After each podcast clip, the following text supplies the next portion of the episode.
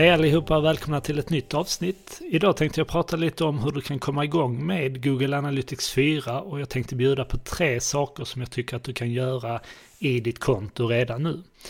Så den första saken att göra är att markera händelser som konverteringar. Så en av fördelarna med nya Analytics 4 det är att det här verktyget automatiskt fångar upp vissa typer av interaktioner på er webbplats som då händelser. Det här kan exempelvis vara saker som att ett videoklipp spelas upp eh, eller att någon väljer att hämta någon form av material via exempelvis ett formulär.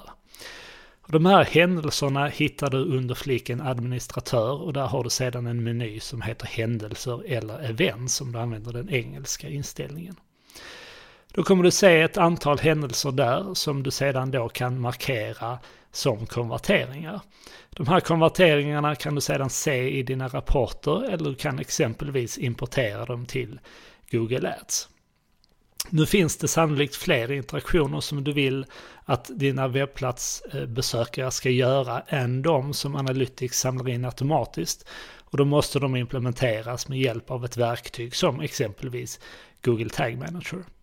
Om du tar någon tidigare erfarenhet av Tag Manager så är det ett ganska komplicerat verktyg och då rekommenderar jag att du tar hjälp av din digitala samarbetspartner eller med din webbyrå för att få detta på plats.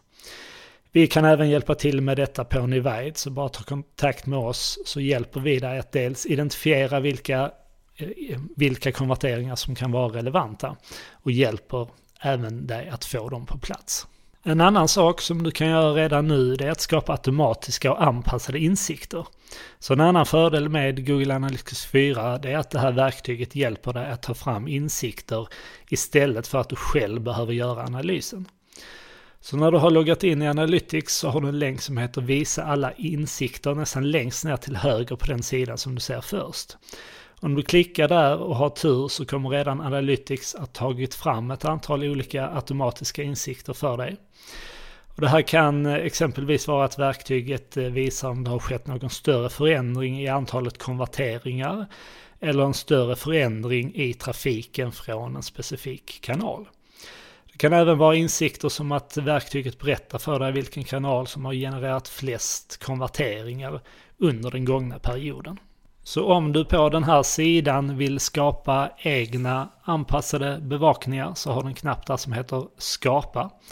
Där finns också ett antal ehm, eh, förinställda bevakningar som du kan Eh, aktivera. Exempelvis att du vill få ett e-postmeddelande när det finns en avvikelse i antalet eh, konverteringar under en dag.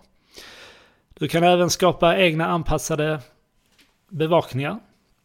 Eh, exempelvis om du märker att trafiken går upp eller ner från en specifik kanal från en dag till en annan så kan du få ett meddelande.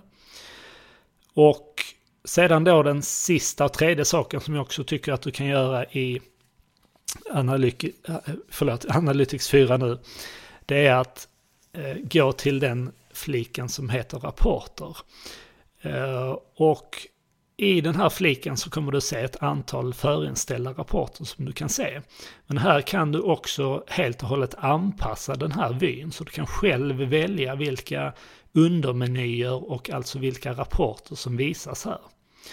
Så gå till rapporter i menyn och en bit ner på den sidan där så har du en länk som heter bibliotek. Där har du i sin tur något som heter samlingar.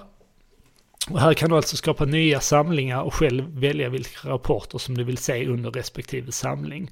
Och de här samlingarna kommer sedan då läggas till under fliken rapporter eh, som gör att du snabbt kan nå just de rapporterna som du själv vill nå.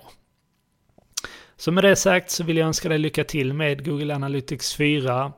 Eh, bläddra gärna i poddarkivet där du får mer tips och inspiration kring digital marknadsföring, framförallt annonsering i Google Ads, Meta, LinkedIn bland annat.